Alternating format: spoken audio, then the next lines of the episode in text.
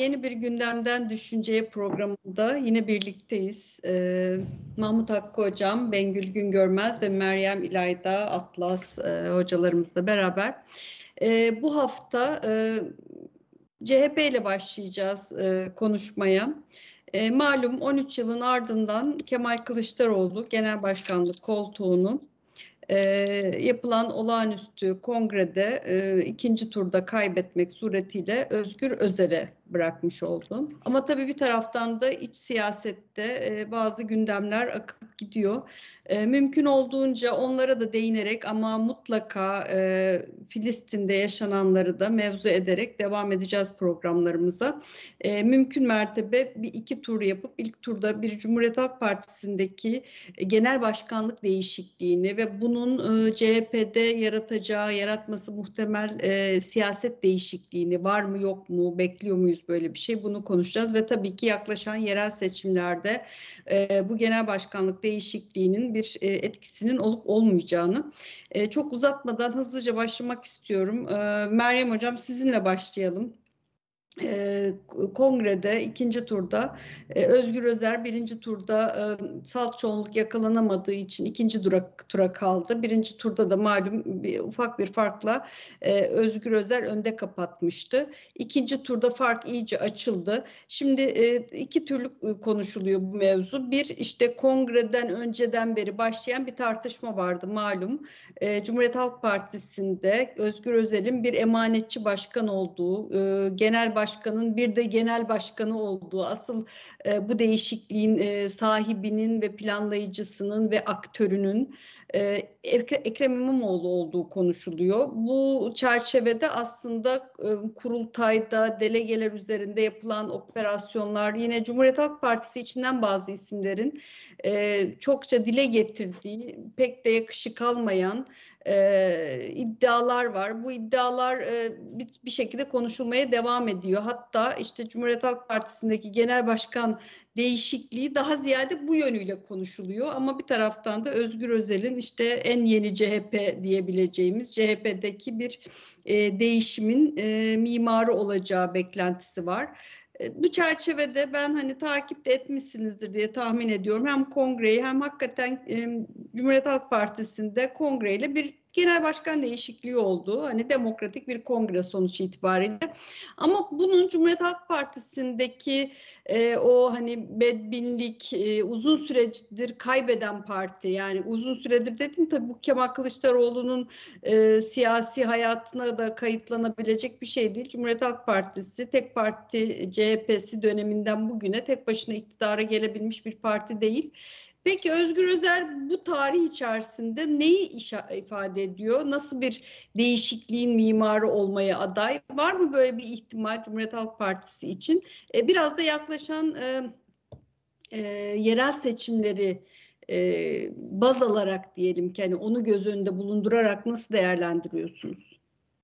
Şimdi ben şöyle değerlendiriyorum konuyu. Bence hiçbir siyasi oluşumu, hiçbir adayı, hiçbir yeni e, parti başkanı küçümsememek gerekir. E, mesela altılı masa ortaya çıktığında da ben aynı şeyi söylemiştim. E, şimdi tabii ki CHP her zamanki gibi planla, projeyle konuşulacağı yerde gene spekülasyonlarla kim kimin adamı, kim kime kapı arkasında ne dedi. Bunlar CHP kulislerinden sızdırılıyor Halime Hanım. Bu şekilde konuşuluyor. Fakat e, Özgür Özel e, siyasette e, yani sıfırdan yükselmiş bir isim. E, siyasetçi bir aileden gelmiyor. İşte biliyorsunuz eczacılık yapmış Eskişehir'de. E, böyle bir sivil toplum örgütlenmesi içinde bulunmuş. Yerelden geliyor ve bugün CHP Genel Başkanlığı oturdu. Tabii Erdal İnönüler, Deniz Baykallar, işte Altan Öğmenler'den sonra biraz e, hani o koltuğu doldurmaya ne kadar aday onu bilmiyoruz ama Hani arkasında Ekrem İmamoğlu meselesi tabii ki konuşuluyor. Zaten beraber bir ekip oldukları, bir işi başlattıkları e, konuşuluyor ama bence konuşulması gereken daha önemli şeyler var CHP ile ilgili. O da şu, yani bunların hepsini zaman zaten gösterir. E, ben yine de her türlü e, ne olursa olsun bir ekip sıfırdan bir demokratik bir seçimle başa gelmişse ona başarılar dileyip bir şeyler beklemek taraftarıyım. Hemen daha gelir gelmez onun adamı şöyle gölge başkan şey yapar yapamaz demek yerine bir bakmak lazım. Ne yapacaksınız? Hani sizin ülkü birliğiniz nedir? Sizin projeleriniz nedir? Eğer Özgür Özel'in ve arkasında her kim varsa yani Ekrem İmamoğlu veya ekibinin e, yeni bir yani bu CHP'nin e, statikocu ve yozlaşmış görüntüsüne bir taze kan getirmek istiyorlarsa işte şeyden önce konuşulduğu gibi yani bunlar bir tek muhaliflerin konuştuğu, muhalif gazetecilerin, yani CHP'yi destekleyen gazetecilerin konuştuğu şeyler bunlar.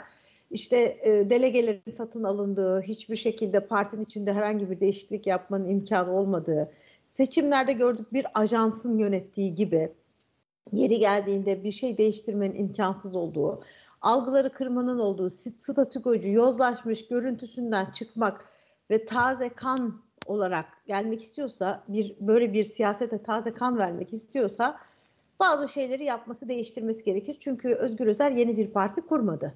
CHP'yi e, devraldı ve CHP'nin belli bagajları var, belli enkazları var. Şimdi Peki bu mümkün şey... mü? Bazı şeyler ne ve bazı şeyleri değiştirmesi mümkün mü e, CHP'nin? Mümkün mü olup olmadığını göreceğiz ama bence bir şans vermek lazım. İşte en başta e, kitlesini eğitip dönüştürmesi gerekir bir siyasi partinin. Bütün siyasi partilerin kitlesi var. Yüzde 25 diyoruz en az kemik oy. Az bir şey mi yani milyonlarca insandan bahsediyoruz. Yani bu insanlara hayal satmayı, bu insanlara yalan satmayı bırakması gerekiyor. Gerçekten Türkiye siyasetine, toplumuna dönük bir siyaset tarzı. Yani bu anti-establishment, anti-siyaset tarzından bir vazgeçmesi gerekiyor. Yani CHP öyle bir hale geldi ki devletin en önemli konularında bile bir terör meselesinde, bir e, güvenlik konularında bile bir yerde duramaz. E, işte bir konuda e, yani iktidarın yanında olacağım diye her şeyi tersine söyleyen bir noktaya geldi. Ve artık ne yalan söyleseniz, uydursanız onu alacak bir kitle kendine inşa etti. E, ve bu çocuklardan biliyorsunuz seçim sonuçlarından sonra intihar edenler oldu. Bu bir yani en, en bence en ciddi durum budur. Yani Türkiye'de her şey kötü. İğrenç bir ülke burası. Giderim Norveç'te kaldırım taşı olurum. İtalya'da bilmem ne olurum diyen gençliği CHP'nin kendisi üretti. Bu şekilde korkunç bir ülke görünümü oluşturdu. Bilerek yaptı bunu ve sürekli Erdoğan karşıtlığı üzerine bir e, sonuçta bir hayali karşıtlığı olmayan bir kampanya yaptı ve bakın ne kadar çocuklar değil mi ağlaya ağlaya şey çektiler. Yani gerçeklikten uzakmadı, kitlesini eğitmeli, dönüştürmeli. Mesela kitlesi başörtüsüne mi mesafeli? Diyelim ki hala var böyle insanlar. Bu insanlara baskı oluşturması, AK Parti bunu yapıyor. Geri geliyor, Alevi açılımı yapıyor ve bunu anlatıyor kitlesine. İşte mesela FETÖ'cüler zamanında ne kadar değişik şeyler oldu değil mi? Hakimler, Savcılar Yüksek Kurulu diye bir şey girdi bizim gündemimize. Niye onu değiştirmeliyiz? FETÖ'cüler orayı nasıl kullanıyor? Cumhurbaşkanı çıktı, Erdoğan bunları anlattı insanlara. Yani daha sonra mesela sistem değiştirdi AK Parti. Yani parlamenter sistemden başkanlık sistemine geçti ve e, bunu anlattı. Şey kitlesini anlatması gerekir. Ve e, bu ikinci bir konu bence e, önemli olan şey darbeciliği unutturması gerekir. Ya bir seçkincilikten, darbecilikten biz özeliz işte dokunulmazlık kafasında olan insanlar belli bir yaşın üstünde olabilir ama ben belli bir yaşın altında da bu düşüncenin tekrar tekrar tekrar üretildiğini gördüğüm için bu seçkincilik hayalinden, dar çevre kadroculuğundan, darbecilik hayalinden kitlesini unutturması gerekir. Yani bu da mesela CHP'nin sırtındaki bagajlardan, yüklerden birisi. Daha 15 Temmuz'da sizin tankları alkışlayan, koşarak çıkan, siyasetle yenemediğiniz AK Parti'yi darbeyle keşke darbe olsa da yensem diye hayal eden bir kitleniz var. Yani bana e, CHP'nin içinde de görev yapan birisi Barış Pınar operasyonundan önce şunu söylemişti. Bu şeye benzemez 3000 4000 askerimiz olur hükümet bile düşer. Yani bu nasıl bir zihindir? Tabii o kişiyi bağlar bu söylenen. CHP'yi bağlamaz. Ama yani askerlerimiz ölsün de yani hükümet değişiyorsa da önemli değil. Yani depremden medet ulan, depremde yardım yapınca e, ondan sonra bir de depremzedeler gidip AK Parti oy verince bunların kafasına kakan. E, yani hep böyle bir üstten tepeden bir seçkincilik. Bunu da bir şekilde gerçekten eğitmesi gerekiyor. Sonra ikinci bir, bir, bir konu daha var bence. Üçüncü bir mesele çok önemli hızlı hızlı söyleyip bitireceğim. Atatürk meselesi. Yani Atatürk bu ülkenin kurucusudur, lideridir ve aslında muhafazakar kesimlerin AK Parti'nin Atatürk'le bir sorunu yoktur. Ve Atatürk'ün arkasına sığınarak bütün hakaretlerini ve böyle bir Atatürk tartışması yaratan da CHP ve CHP'nin kitlesidir. Böyle atam diye layık atak geçiren insanlar var ya bir kitle var. Bu kitlenin Yani bakıyorsunuz her rezilliği yapıp Atatürk'ün arkasına sığınmak meselesi de artık bizim ülkemize zarar veriyor. Bizim milli duruşumuza zarar veriyor. Atatürk üzerinden kavga etmek, Atatürkçü müsün değil misin vesaire. Bunu bir kenara bırakması gerekir. Yani diyorsunuz e, ya adını söylemeyeyim kitap yazıyor 2500 liraya satıyor o zamanın parasıyla yani Atatürk sattım diye. Yani böyle e, e, bir şekilde insanların yani hiçbir şey yapamayınca, argümansız kalınca, siyasetsiz kalınca Atatürk'ün arkasına saklanmamaları gerektiğini de hem kendisi öğrenmesi hem kitlesi öğretmesi gerekir.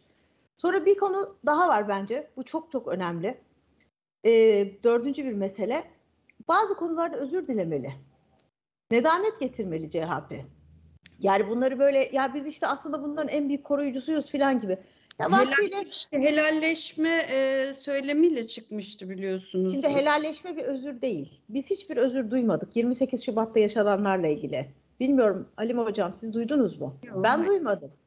Bu aktörler Nur Serter'inden e, birçok aktörüne kadar CHP'de e, milletvekilliği yaptılar. Yıllarca parlamentoda bulundular.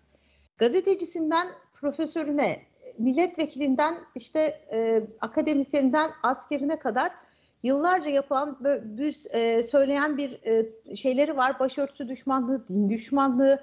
Yani bir tane birkaç tane çocuk gidiyor cami minaresini hackliyor, çavbella çalıyorlar ve bunu çekip işte bu böyle olmalı diye sevinçle söyleyen CHP'de CHP'nin İzmir bir ilçe başkanı kadın. Yani bu kadar sürekli bir din düşmanlığı, İslam düşmanlığı, başörtüsü düşmanlığı, toplum düşmanlığı yapıldı. Çok ağır şeyler söylendi. Hatta toplumda CHP ile hiç ilgisi olmayan, yani birisi bir başörtülü saldırıyor vesaire. Bu konularda da sessiz kalındı. Yani bazı konularda da açık tavır, biz kesinlikle bunların karşısındayız. Biz buna e, asla arkasında duramayız denmedi. Özür dilemesi gerekir. Yani e, bir sonraki mesela bir başka konuda gene sürekli ya siyaset yapacaksanız siyaset yapın. İktidara gelirseniz yargıyı siyasallaştırırsınız, kullanırsınız. CHP'li e, birçok kişinin yargılayacağız tehdidi. Sürekli gazetecileri, medya kurumlarını yani Gürsel Tekin'i hatırlıyorsunuz bütün medya kurumlarını vesaire sürekli bir TRT'yi hedef alma, sürekli e, Turkuaz Medya'yı hedef alma böyle bizim bütün basın kuruluşlarımızı, gazetecileri, medyacıları vesaireyi sürekli bir yargılama tehdidi. Yani siz neyse argümanını söyleyin. İktidara gelirseniz zaten hiç şüphem yok. Yargıyı hemen siyasallaştırırsınız. İstediğinizde istediğiniz davayı açarsınız. Ama bu ne kadar, bu mesela çok itici bir şey. Yani bir genç buna niye oy versin? Yani şunu yargılayacağım, bunu yap hesabını soracağım. Hesap sormanın yolu tabii ki yargıdan geçer. Buna hiçbir şey söylemiyorum ama bunu bir tehdit unsuru, siyasi bir argüman olarak kullanmak çok itici. Yani bu şeyi, siyaseti kriminalize etmek demek. Siyaset yapan insanları e, kriminalleştirmek. Nitekim bugün baktığınız zaman bu bir vesayetçi tutumdur. Hakimler, generaller, işte bütün bürokrasi çok saygındır. Siyasetçi hep kötü, paçoz, vasat e, şeydir böyle yozlaşmış kişidir. Neden? Çünkü siyasetçinin sırtındaki küfeler bu insanların sırtında yoktur. Ve böylece siyaseti bir aşağılamak, küçümsemek vesayetçi bir tutumdur. Siyaseti siyaseti kriminalize et, edemeyiz yani. Siyaset çünkü bizim elimizdeki tek argüman. Ha onu daha temiz olmasını talep edebiliriz, daha iyi olmasını talep edebiliriz. Bunu e, bu tavrından da vazgeçmedi. Ve son olarak opportunist, popülist, böyle fırsatçı bir tavrı var. En son altılı masada gördük biliyorsunuz. Bir siyaset tarzı yok. Bir oraya gidiyor e, Yeşil Sol Parti ile o zamanki görüşüyor. Bir geliyor burada e, işte e, şey partisiyle hmm, aşırı milliyet şeydi Zafer Partisi. Zafer Partisi ile e, bir anda o gidip gizli ittifaklar yapıyor. Bir anda göçmen karşı yani dünyada bütün sosyal demokrat partiler iyi kötü göçmen politikaları var. Yani bir şey yok, çizgisi yok. Böyle bir anda rüzgar nereye savrulursa oradan kendine bir çizgi belirlemesi gerekir. 2015 yılında e, ciddi anlamda böyle göçmenlerle ilgili Kılıçdaroğlu kürsüden sayıp sövdürürken 2015 7 Haziran seçimlerinden önce ben CHP'nin programına baktım. Suriyelilerle ilgili ne yapılacak diye. Sınırda bir tampon bölge oluşturulması ve orada geçici konutlar yapılması diye birebir AK Parti'nin söylediği şeyi yazmışlardı programlarına. Yani aslında aklı selim varsa ya bu doğru bir seçenekse siz de bunu programınıza yazdınız. Çıkın bunu söyleyin. Yani böyle o, bu çok tehlikeli şeyler bunlar. Yani toplumun böyle e, nabzıyla oynamak. E, e, işte bir anda göçmen karşılığı bir estiriyorsunuz. İşte sokaklarda zavallı e, göçmenler itiliyor, kakılıyor, insanlar ses çıkarmaya korkuyor vesaire. Bunlar benim tespit ettiklerim. Eğer bunlarla ilgili bir dönüşüm olursa e, belki bir umut diyelim yani. Evet. Şimdi e, e, Mahmut Hakkı Hocam, e, yani çok güzel sıralamış oldu e, Meryem Hanım. Ee, ama benim şöyle bir gözlemim var. Ee, Kemal Kılıçdaroğlu'nun e, CHP'nin başına geldiği dönemi hepimiz takip ettik. E, işte 13 yıl önceydi ve e, İstanbul İl e, İstanbul Büyükşehir Belediye Başkan adayı olduğu e, dönemden itibaren aslında Kemal Kılıçdaroğlu'nun böyle bir yükselen e, profili vardı. Hatta hatırlayacaksınız işte adına şarkılar yazılan bir e, süreçle ve sonra da işte çok e, feci bir e, tatsız bir şeyle genel başkanlık koltuğuna oturdu ama çok büyük bir medya desteği de vardı arkasında.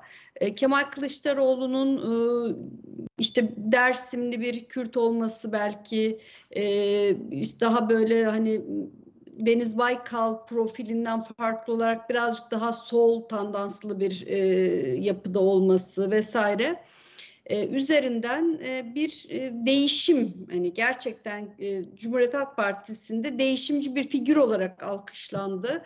E, işte hiç değişmez denilen e, partiyi işte sahiplendi, partiyi mülküne dönüştürdü denilen Deniz Baykal'dan sonra Kemal Kılıçdaroğlu büyük bir alkışla genel başkanlık koltuğuna oturtuldu, oturdu, oturtuldu her neyse. Ee, ve ondan sonraki söyleminde de mesela yeni CHP lafını çok kullandı. Kendisi de kullandı. İşte o dönem e, sonra işte yeni CHP'nin tırnak içinde açılımı sayılabilecek bazı işte partiyi e, solu konsolide edip partiyi sağa açmak gibi hakikaten aslında zor da bir şeyi başarmaya çalıştı ve e, netice ver, vermedi belki ama e, kısmen bir dönüşümü de başardığını ben düşünüyorum. İttifak denilen bir şeyi başardı. Yani bu sadece sistem değişikliğinin e, bir neticesi olarak okumamak lazım. Kemal Kılıçdaroğlu uzunca bir süre hatta kendi nefsimi ben bir kenara koyarak bunu yapıyorum diye kendini farklı bir yere de konumlandırdı. Son seçimde e, aday olma e, konusundaki ısrarı biraz da o çizgiden uzaklaşması olarak üzerine tepkileri çekmesine sebep oldu. Hasılı kelam hani şunu demek istiyorum. Kemal Kılıçdaroğlu bir değişimci aktör olarak çıktı. Ee, buna mukabil Özgür Özer Özel e, bu havayı yaratmadı e, ve bir değişim e, döneminin üzerine gelmiş oldu aslında. Değişim iddialarının üzerine gelmiş oldu. Şimdi bu değişimci bir e, Kemal Kılıçdaroğlu'nun üzerine e, Özgür Özel nasıl bir değişim e, vaat edecek? E, bu, bu çok merak edilen bir şey. Yani yaratamadığı bir e, rüzgardan bahsediliyor ama yine de tabii ki işte e, bir günah keçisi e, arandı, bulundu. Zaten baş, e, adaylık konusundaki ısrarı bir antipati toplamasına sebep olmuştu. Dolayısıyla kısmen temiz bir sayfa açma imkanı yarattı CHP'ye ve bunun da hatta işte İstanbul ve Ankara özelinde bir ittifakı yeniden ittifakı mümkün kılabilecek bir vasat hazırladı deniliyor. Ee, ve bu değişikliğin de aslında Ankara ve İstanbul için yapıldığına dair bir yorumda, bir yaklaşımda var. Ee, çünkü işte İyi Parti'nin e, Meral Akşener'in Kemal Kılıçdaroğlu ile ilgili e, tabanını da açıklayamayacağı bir e, şey oluşmuştu, çıktı oluşmuştu. E, şimdi yeni durum, yeni vasat bu işte engeli ortadan kaldırdı ve Özgür Özer özel e, genel başkan iken o e, işte Araz da ortadan kalkmış olacak ve İstanbul ve Ankara'da yeniden ittifakla seçime gitme imkanı oluşmuş olacak deniliyor. Bir siz ne diyorsunuz buna? Bu tabii pratik bir şey. E, hani bu bir değişim e, mi taşıyacak bir aktörden beklenen bir şey değil. Bu yakın bir hedefe kilitlenmiş bir taktik, stratejiden çok bir taktik gibi gözüküyor. E, böyle mi görüyorsunuz ya da bu konuyla ilgili söyleyeceğiniz başka bir tespitiniz e, varsa almak isteriz. Evet. Biz daha evvel de biliyorsunuz Cumhuriyet Halk Partisi'ni değerlendiren bazı programlar yapmıştık. Ve orada da benim vurguladığım şey karşımızda bir yüzyıllık birikimin olması hatta daha evveline de gidebileceğini bunun yani İttihat Terakki geleneğinden e, devam eden e, bir birikimin olduğunu ve bu e, tarihsel birikimin yok sayılarak Cumhuriyet Halk Partisi'ni analiz etmenin çok da mümkün olmadığını söylemiştik. Bu pek çok handikapı da üreten bir şey aslında kendi içerisinde. O oluşmuş tabanlar itibariyle falan da söylüyorum. Misal şöyle bir örnek vereyim. Geçmişte Demokrat Parti ve Adalet Partisi dediğimizde bugün Adalet ve Kalkınma Partisi'ne belki bir geleneğin bazı izlerini taşıyabiliriz ama Adalet ve Kalkınma Partisi çok daha başka bir gerçekliği kendi içerisinde taşıyor.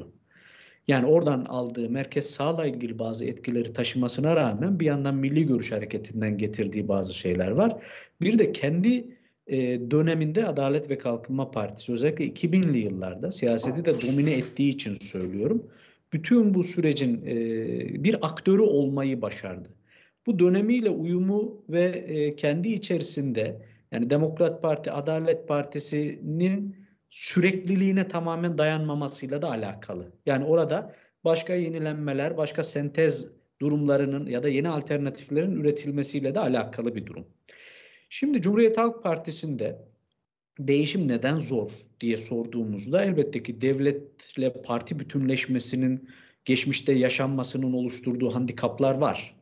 Ama bir yandan da şunu da göz önünde bulundurmak lazım. Bakın başarıldığı dönemler de var.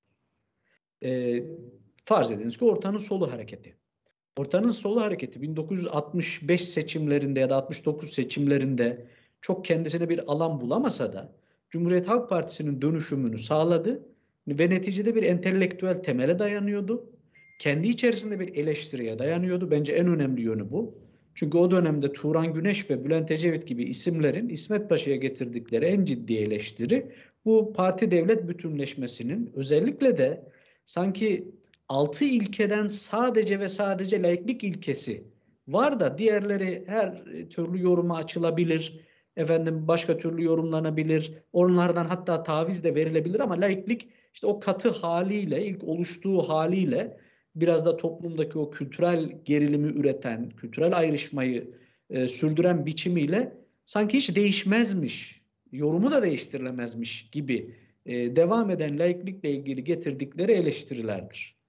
Çünkü bu kendilerinin hem daha merkeze kaymasına sebep oldu hem de diğer taraftan uzun yıllardır Cumhuriyet Halk Partisi'ne çok da sempatiyle bakmayan insanlardan oy almalarına da vesile oldu. Ve ilk defa Cumhuriyet Halk Partisi'nin oy oranları 1973-70'de arttı. Yani %42'ye biliyorsunuz yaklaştı 1977 seçimlerinde. Ama bir şey daha var. Mesela bu Bülent Ecevit'in özellikle 80 sonrasında tekrar siyasete döndüğünde 12 Eylül sonrasında Cumhuriyet Halk Partisi'nin de yeniden kurulma kararı 1992'de eski partilerin kurulma e, izni çıktığında Anayasa Mahkemesi'nden verildiğinde Bülent Ecevit tekrar Cumhuriyet Halk Partisi'nde ya da onun devamı olan partilerde siyaset yapmayı tercih etmedi. Ve burada da bir şey söyledi. Bu devletle bütünleşme hali yani o bürokrasiyle bütünleşmiş olan hal bir türlü aşılamıyor partide. Çok ciddi bir mesele olarak, handikap olarak karşımıza çıkıyor dedi ve kendi alternatifini daha gene ortanın solunun bir yorumu, demokratik sol olarak devam ettirdi. Burada bu şuraya bağlamak istiyorum. Şimdi şartlar bir kere CHP'yi değiştirecekti. Neden değiştirecekti? Yani 2007'yi falan hatırladığımızda bütün o işte Cumhurbaşkanlığı seçimi, 367 krizi, anayasa, işte e-muhtıralar falan burada bizim karşımızda klasik tam da o devletle bütünleşmiş, bürokrasiyle bütünleşmiş CHP reflekslerini biz gördük. Yani millete karşı bir CHP gördük. Çok açık söyleyeyim. Yani asker kağıttan kaplanmış e, diyen milletvekilleri vardı o dönem. Ee, yani askerin e, müdahale etmesini bekleyerek yani e-muhtıra yetmez kesmedi e-muhtıra hani daha ciddi bir darbe girişimi bekleyen e, ve bunu açıkça ifade eden e, CHP milletvekilleri vardı. Ama bir şey var Türkiye o eşiği aşmıştı artık. Yani başka bir realite vardı ve Deniz Baykal'ın işte yüzde yirmiler bandında bıraktığı muhalefetin ürettiği bir konfor da var. Bu şekilde devam etti. Elbette ki çok trajiktir. Yani hiç hoş olmayan bir şekilde genel başkanlıktan edildi. E sonrasında şimdi Kemal Bey'in gelmesinde de e, Kemal Bey evet bir şeyler değiştirmeye çalıştı. Yani onu inkar edemeyiz ama bu değişim doğrudan kendisinin bir proje işte daha evvel hani Turan Güneş, Bülent Ecevit gibi böyle bir entelektüel sermayeyle yeni bir yol çizelimden ziyade Türkiye'nin daha değişimine uyup biraz seçmen tabanını genişletmeyle ilgili bir şeydi. O nedenle de belki çok pragmatistti. Yani elbette ki siyasetin pragmatist ve popülist tarafı olur. Yani onu kınadığımdan ya da doğrudan olumsuzladığımdan değil. Bu siyasetin e, hani eşyanın tabiatı gereği diyelim. Olması gereken taraflarından biridir. Sadece onun hani çok böyle ilkeleri alt üst edici şekilde yapılması, daha bir ahlaki krize dönüşmesi problemli ki mesela son seçimde bence olan şeylerden biri buydu. Çok fazla kodlarla oynandı. Yani bir yandan e, HDP'nin o desteği alınmak isteniyor. Orada o tabanın desteği alınmak isteniyor. E bir yandan da işte Ümit Özdağ kendisine e, yapılmış protokolü canlı yayından gösteriyor. İçişleri Bakanlığı'nın kendine verileceği. Şimdi herkese boncuk e, dağıtmayla alakalı bir şeye dönmeye başlıyor. Tabii ki o tabanı da rahatsız edecek bir şeydi. Şimdi bu değişim bu bir değişim değil bir kere baştan onu söyleyeyim. Çünkü bu burada bir şey iddia edilmiyor. Yani parti şuraya gidecek ya da buraya dönecek, tekrar eski ilkelerine döndüreceğiz falan gibi şeyler çok cılız kalmış vaziyette. Sadece biz bir genel başkan değişimi gördük. Şimdi bu genel başkan değişiminde de, de Meryem Hanım'ın söylediği şeye katılıyorum. Yani yani Bülent Ecevit kendinde ağırlığı olan bir adamdı. Altan Bey de öyledir. Yani gazetecilikten falan gelme bir adam ama neticede şeydir yani daha ağır topları olmuşlardır bulundukları alanda. Ee, Hikmet Çetin de öyle bir tipti. Yani hani bir geçiş şeyini yaşatmasına rağmen partinin içerisinde geçmişte bakanlıklar yapmış ağırlığı olan biriydi. Ee, Kemal Kılıçdaroğlu'nun bile yani bürokrasi tecrübesinin olması, siyasette kendi çabasıyla belli bir yere gelmesini anlıyorum ama mesela Özgür Özel ismi iki yıl önce zikredilse o kimdi diyeceğiniz ya da hani Google'a girip belki e, bu, bu kimmiş, neymiş, ne görevi varmış diyeceğiniz biri. Kamuoyunun geneli için söylüyorum. Şimdi böyle bir tarafı var. E, şeyler hala baskın. Yani ben de Ekrem İmamoğlu ismi çok daha e, şu anda kendi tabanları açısından da karşılığı olan bir isim. Yani kongrenin nasıl kazanıldığı falan meselesi ayrı. Ama karşımızda bir karışık durum var. Son olarak belki şunları söyleyeyim bununla alakalı. Ya bir kere son seçimin bir travması var. Yani ilk defa kazanabiliriz diye ümitlenilen ama öbür taraftan kazanılmadığında da işte daha evvel de konuştuğumuz böyle biraz da ayarı kaçmış tepkilerle de karşılaştığımız o taban tarafından e, böyle bir yere doğru evrildi. Bunun tabandan da yansıması bekleniyordu açıkçası. Demin söylediğim o pragmatizmin daha ilkesel sınırlarını kaybetmeyle ilgili tarafta bence tabanda bir tepki gördü her şeye rağmen. Bir diğeri bir 13 yıl var. Yani 2010'da e, genel başkan olundu tamam. Hemen 2011 seçimlerinde e, bir yüzde artışı var. Yani yüzde 22'lerden partinin bir yüzde 25'e gelmesi var. Ama yüzde 26-27'ye çıkışı da yok. Yani ittifaklarla kazanılmış belediye seçimleri Şayet o ittifaklar devam etmese e, kazanılmasını tahayyül dahi edemezler birçok büyük şehri. Şimdi bunu sürdürmeye çalışacaklar. Bunun kendilerine sağladığı bir iktidar alanı elbette var. Ama öbür taraftan bu yeknesak sadece işte belediye kazanma odaklı belki İstanbul, Ankara'yı kaybetmemeye oynayacak.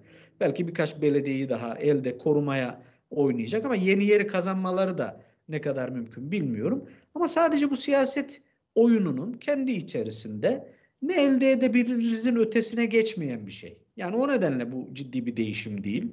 Ciddi bir alternatif çok e, sunmuyor ve demin Meryem Hanım'ın söylediği pek çok handikapı kendi tarihinden de taşıyarak getirdiği pek çok handikapı taşıyarak devam edecek gibi gözüküyor. Evet. Ee, Mengül Hocam şimdi e, tam da Mahmut e, Hoca'nın bıraktığı yerden bir hususu işaret edip size vermek istiyorum. Şimdi e, İstanbul e, biliyorsunuz e, çok büyük bütçeli bir e, belediye. Yani pek çok bakanlık bütçesinden daha büyük bütçesi var. E, dolayısıyla e, İstanbul'u kaybetmemek üzere bir genel başkan değişikliği yapıldığı yorum yapılıyor. Yani aslında e, bütün şeyler, bütün kozlar işte CHP'de değişim, CHP'de bir siyaset üretelim, CHP'yi artık farklılaştıralım, CHP'ye şöyle bir vizyon çizelim, CHP'yi siyaset yapan bir partiye dönüştürelim gibi kaygılardan ziyade İstanbul'u kaybetmeyelim. Ne olursa olsun İstanbul'u kaybetmeyelim. Çünkü İstanbul'dan şu anda e, üç parti ekmek yiyor e, gibi bir yaklaşım var. E, bu üç parti de malum İyi Parti, Cumhuriyet Halk Partisi ve HDP. Yine hatırlayacaksınız yani İstanbul Kongresi'nde de e, olağanüstü kongrede de kurultayda da e, buna bu minvalde şeyler Cumhuriyet Halk Partisi içerisindeki zipleşmelerden e, kaynaklı yine kendi içlerinde bazı isimler tarafından aslında dile getirildi.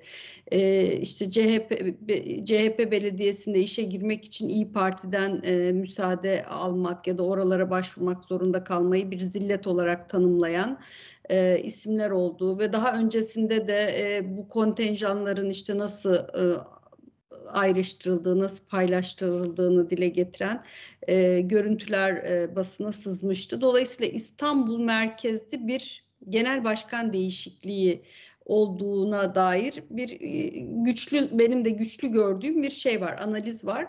Buna e, mesne teşkil eden e, bazı şeyler de yaşanmıştı. Yine yakın zamanda hatırlayacaksınız. Ekrem İmamoğlu başkanlığında Özgür Özer'in resminin olmadığı ama katıldığını varsaydığımız e, işte yine Cumhuriyet Halk Partisi'nin o dönemki üst kadrolarının e, hazır bulunduğu e, online toplantı e, görüş toplantı basına sızmıştı. Belki sızdırılmıştı. Hani oraları bize muamma ama e, tabii genel başkanın, genel merkezin e, haberinin olmadığı ve Ekrem İmamoğlu'nun tertip ettiğinin, başkanlığını onun yaptığının çok belli olduğu e, bir toplantıydı o ve bu açığa çıktığı zaman Ekrem İmamoğlu bunu hani bir rutin toplantıymış gibi e, de lanse ederek biz bundan çok yapıyoruz e, burada gizli kapaklı bir şey yok diyerek kendini savunmuştu. E, yani demek istediğim şey şu, e, hani sizin zaviyenizden bakınca da bu buradaki genel başkan değişikliği neye matuf gözüküyor? Onu bir öğrenmek istiyorum. E, tabii ki bu 13 yılın üzerine e, yaşanan bir değişim. Evet demokratik yollarla e, arka planda ne yaşandığını bilmiyoruz tabii ki. Bu iddialar e, aslında vahim iddialar da var. Yani bence soruşturulması gereken iddialar da var. Çünkü işte bir döviz bürosunun kurulduğu, o döviz bürosundan e, bazı isimlere paralar aktarıldığı gibi hani kriminal iddialar da var. Hani bunlarla ilgili bir şey yapılacak mı bilemiyorum tabii ki ama e, sonuç itibariyle bunlar da bir şaibe düşürüyor. Ama ez cümle hani e, bunu ben ittifak çerçevesinde nasıl değerlendiriyorsunuz? Çünkü bir taraftan da biliyorsunuz İyi Parti'de bir şey var e, bir iç karışıklık var. İyi Parti'de bir takım istifalar var ve bu istifaların gerekçeleri olarak da basına yansıdığı kadarıyla e, Meral e, Akşener'in ittifaka devam etmek istemediği e, buna mukabil devam etmek isteyenlerin e, istifa ettiğine dair bir e, şey var, e, yaklaşım var. Böyle işte demeçler, paylaşımlar söz konusu. E, hal böyleyken e, seçmede dört ay var. E, siz nasıl okuyorsunuz mevcut gelişmeleri? Evet, şimdi değerlendirmeleriniz de göz önünde bulundurarak öncelikle şunu söylemeliyim. Bir derin CHP varsa ben bunu bilmiyorum. Yani derin CHP'de ne oluyor? Bir sürü şey söyleniyor. Ee, spekülasyon mudur, gerçek midir, kanıtlar var mıdır? Bundan tabii CHP'lilerin kendisi mesul. Yani varsa bir hukuksuzluk, varsa bir e, etik dışı davranış filan bunları kendilerinin ortaya koyması, kendilerinin çıkarması beklenir veya birilerinin ortaya koyması beklenir. Yani bunları ben çok bilemeyeceğim için üzerinde çok konuşmak istemem. Zaten yeni seçilmiş bir lider Özgür Özel. Öncelikle tebrik ederek e, başlamak gerekir bence. E, şimdi burada ben daha çok de, e, şunu söyleyeyim. Türkiye'de demok demokrasimiz nasılsa partilerimiz de biraz ona benziyor. E, bir lider kültü mutlaka oluyor e, bizim partilerimizde. Şimdi bu türden çekişmeler her yerde var. Yani bütün partilerde mutlaka klikler vardır ve bu klikler birbiriyle çekişirler. Kimi zaman e, kendi adaylarını ön plana çıkartıp lider yapmaya çalışırlar filan falan. E, ama burada bir lider var yani. AK Parti'nin özelliği bu liderin etrafında birleşebilmeleri, e, kenetlenebilmeleri ve bu çekişmeleri çok fazla abartmadan, büyütmeden bir şekilde halletmeleri, çözmeleri e, söz konusu. CHP'nin en büyük sorunlarından birisi bu. Yani bir türlü bir lider olayını e, bir kült, yani bir karizmatik bir lideri en azından. Burada Weber'i biraz analım, Max Weber'i. E, bir türlü oturtamamaları. İşte hatırlıyorum e, e, şey Kılıçdaroğlu ilk geldiğinde kasketle filan Ecevit'i de hatırlatarak fotoğraflar çektirdi. İşte böyle yeni bir değişim filan falan. Ee, ama o koltuğu tam doldurdu mu doldurmadı mı sürekli bu tartışıldı. Yani bir şey tartışılıyorsa orada bir problem var demektir. Kendisi bir takım ittifaklara gitti. Bu ittifaklarla başarılı olacağını düşündü. Çünkü o şunu düşünüyordu. CHP'nin es, e, eskiden de gelen bazı işte Mahmut Hoca anlattı e, bagajıyla yani dolu bir bagajla geldiği için eskiden bir temsil sorunu olduğunu aslında Kılıçdaroğlu fark etmişti. E, bu temsil sorunu nedir? Halk, halkla Cumhuriyet Halk Partisi'nin geniş kitleler diyor diyebiliriz halk dediğimizde belli bir kesimden bahsetmiyorum. Geniş halk kitleleriyle özellikle de muhafazakar, milliyetçi ve mütedeyyin kesimle olan temsil sorunu. Bu partinin bunlarla bir kopukluğu var. Yani halkla ilgili temsilinde baştan beri bir kopukluk var. Bu kopukluğun sebebi baştaki Jacoben tutumu. Bu Jacoben tutumundan kolay kolay vazgeçemiyor. İliklerine işlemiş çünkü. Bir yandan Atatürkçü ideoloji var tabii. E, kendi partisinin ideolojisi olarak kabul ettiği. Bu da ayrı bir bagaj ve problem. E, ne yapabilirim? İşte ben en fazla bir masada e, ortak bir düşmana karşı birleşerek, bu düşmanı yenerek bu işi hallederim düşüncesine vardı. Yani CHP'yi yenileştirmek, onu bir e, siyaset üreten bir parti mekanizması haline getirmek yerine ittifaklarla gemiyi yürütelim. Yani gemiye şunları alalım, bunları alalım. Onun parasıyla, bunun iradesiyle, bunun işte temsil gücüyle filan bu gemi limana ulaşsın diye düşündüler. Fakat olmadı. Çünkü başka bam telleri vardı.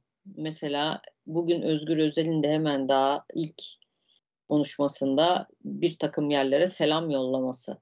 İşte dolayısıyla Atatürkçü ideolojinin başlangıçta var olduğu bir partinin sonuçta PKK gibi bir örgütün siyasi uzantısına selamla bitirmesi kendi kitlesi için bile bir büyük problem. Yani sizin kendi görüşünüzden insanlar size oy vermemeye başlarsa o partiyi kapatmanız lazım.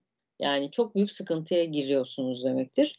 Bir kere bu kopukluğu bir türlü e, halledemiyorlar. Şimdi demokratik yolla değiştirmek gibi liderlerini tırnak içinde demokratik diyorum tabii onu bilemem siz bir sürü şeyden bahsediyorsunuz. Onlar sonra çıkar benim söylediklerim havada kalır. E, derin CHP ile ilgili şeyleri bilemiyorum ama tırnak içinde demokratik yolla yeni bir e, adım attılar. Liderimizi şöyle bir değiştirelim dediler. Bu iyi bir şey bence. E, en azından kaset olaylarını görmedik. E, bir takım etik dışı davranışları görmeden e, bu iş halloldu diye düşünüyorum. Atilla Yaylı Hoca geçenlerde güzel CHP hakkında bir şey yazdı, bir e, yazı yazdı. Orada önemli bir tespitte bulunuyor. E, bir sürü tespitte bulunuyor da şu bence güzel. CHP'nin e, en ağır problemi diyor kategorik bir şekilde iktidara karşı çıkmaktır diyor. Yani hiç iyi yaptığı bir şey yok iktidarın. Sürekli kötü şeyler yapıyor, sürekli olumsuz şeyler yapıyor. Her şeyi eline, yüzüne, gözüne bulaştırıyor. Hiç güzel bir şey olmuyor Türkiye'de. Sürekli bir pesimizm, sürekli bir e, kötüleme söz konusu. Ama bozuk saat bile arada bir doğruyu göstermesi lazım. Yani bu kimse buna inanmaz. Böyle bir şey olamaz. İyi yapılan şeyler var. Halk da bunu çoğu kez görüyor. E, doğruyu yaptığı zamanlar var iktidarın. Sürekli yanlış yapıyor. Kategorik olarak her şeyi yanlış yapan bir iktidar evet. e, yani bu vatandaşı bir şeyle uyutuyor olması lazım. Çünkü işte 23 senedir bu kategorik olarak her şeyi kötü yapan siyasi parti her girdiği seçimi kazanıyor.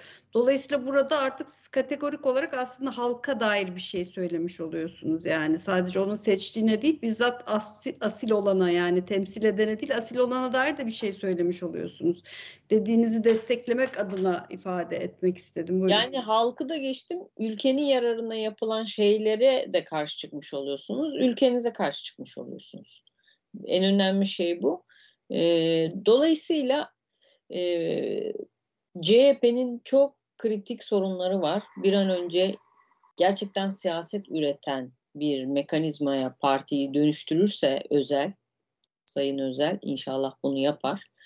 Hakiki bir muhalefete bir gün belki kavuşuruz. Çünkü Türkiye'nin ciddi bir muhalefet sorunu var. Ben hep bunu söylüyorum. Türkiye'nin iktidar sorunu değil, muhalefet sorunu var. Çünkü eğer muhalefet gerçekten gerekli yerlerde eleştiri olayını eğer yaratmazsa, bir eleştiri yapmazsa o zaman iktidar kendi sınırlarını çizemez yani. İstediği gibi ata oynatır, her şeyi yapabilir. Muhalefetin görevi bu sınırlara dikkat çekmek olmalıdır. Gerçekten demokrasilerde böyle bir şey var. Müzakere e, ortamını yaratmalıdır. Bunları yapmak çok önemli. Dolayısıyla Özgür Özel'in önünde bir seçim var tabii şimdi hemen e, yerel seçimler. Bu yerel seçimlerin de çok kritik olduğunu söyleyebiliriz. Tamam büyük şehirleri elde etmişler. Onlar şunu da düşündüler. Büyük şehri alan Türkiye'yi de alır. Büyük şehirleri alan öyle de olmadı ilginç bir şekilde. Ee, yine kaybettiler. Halk bunları bölüştürdü, pay etti. Dedi ki belediyeleri sen muhalefet olarak sen yönet, devleti sen yönet. Devleti onlara teslim etmekte halk güvenmedi. Bir kere bunu oturup düşünmeleri lazım.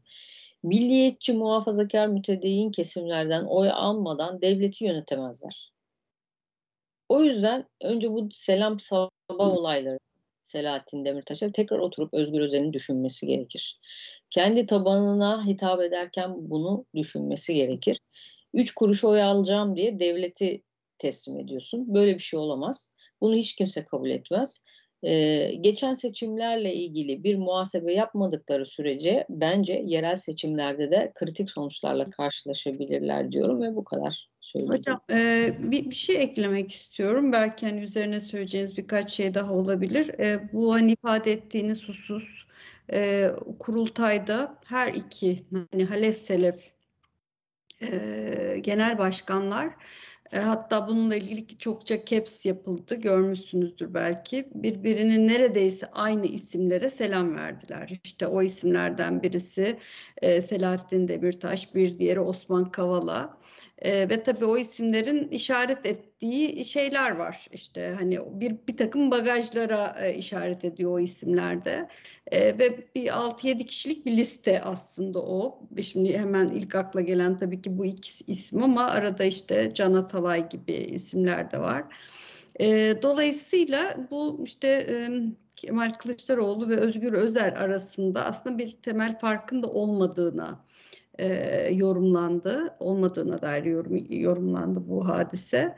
Akabinde e, Özgür Özel Bir Gün gazetesinde ki bir, bir Gün gazetesi de hani bir gazete olarak hani sonuçta Türkiye'de e, yayın yapan bir gazete e, legal olarak yayın yapan bir gazete ama ideolojik olarak hani nereye de durduğunu e, az çok herkesin bildiği bir gazete.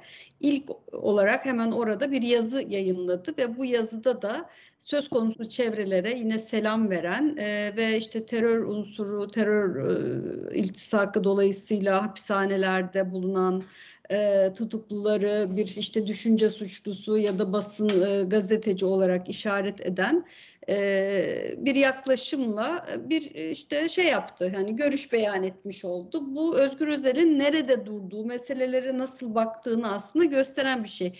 Yani sizin tam da ifade ettiğiniz yani bu insanlar bu halk ekseriyet neden devleti Cumhuriyet Halk Partisi'ne teslim etmiyor? Etmek istemiyor. Bir güven sorunu yaşıyor bununla ilgili. Bir tanesi güvenlik diğeri de dış politika. İkisi de birbiriyle çok ilgili.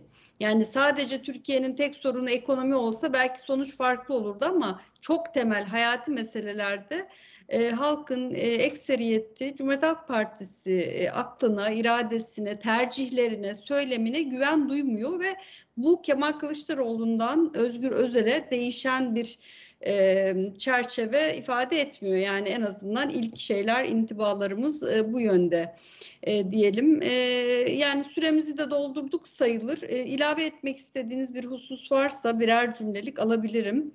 E, aksi takdirde önümüzdeki hafta e, yine belki Filistin'i güzel haberlerle, inşallah güzel haberlerle e, konuşmak isteriz. Bu arada birkaç şey ifade edeyim ben e, sözü almışken e, gelişme anlamında. Evet bu arada tabii ki bir diplomatik çaba devam ediyor. Özellikle Cumhurbaşkanı Erdoğan'ın yürütmeye çalıştığı e, çok hani neticelerini henüz görünür bir şekilde alamadığımız ama en azından çabanın farkında olduğumuzu e, ifade etmek adına söylemek istedim. E, ve bu ay içerisinde de işte Almanya ziyareti, Cezayir ziyareti vesaire olacak.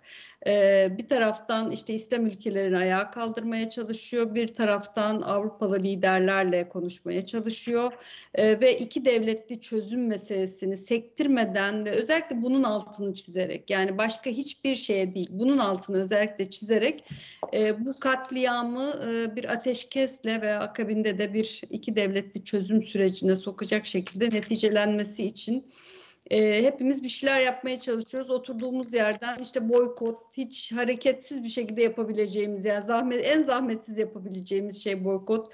Bunu mutlaka yapalım, ihmal etmeyelim. E, onun dışında sosyal medya, e, işte Meryem e, Hanım çok e, işaret ediyor her konuşmada. Çok önemli gerçekten. Futbol e, taraftarlarının yaptığı inanılmaz güzel eylemler var. Biz Türk futbol taraftarından da bekliyoruz bu tür eylemleri. E, ses getiriyor ve farkındalığı arttırıyor. Bütün dünya başkentlerinde bir farkındalık var ve hani siyasi liderlerden ve ülkelerden daha etkili bir diplomasi yürütüyor şu anda e, bu konuya soykırıma duyarlı ve İsrail'e dur diyen e, kamuoyu. E, buna biz de bir damlası olmaya çalışalım e, diyerek size bir söz verme niyetindeydim ama galiba onu da ben kullanmış oldum. E, haftaya nasılsa e, buluşacağız tekrar e, konuşmalarımızı devam ederiz. Teşekkür ediyorum sağ olun.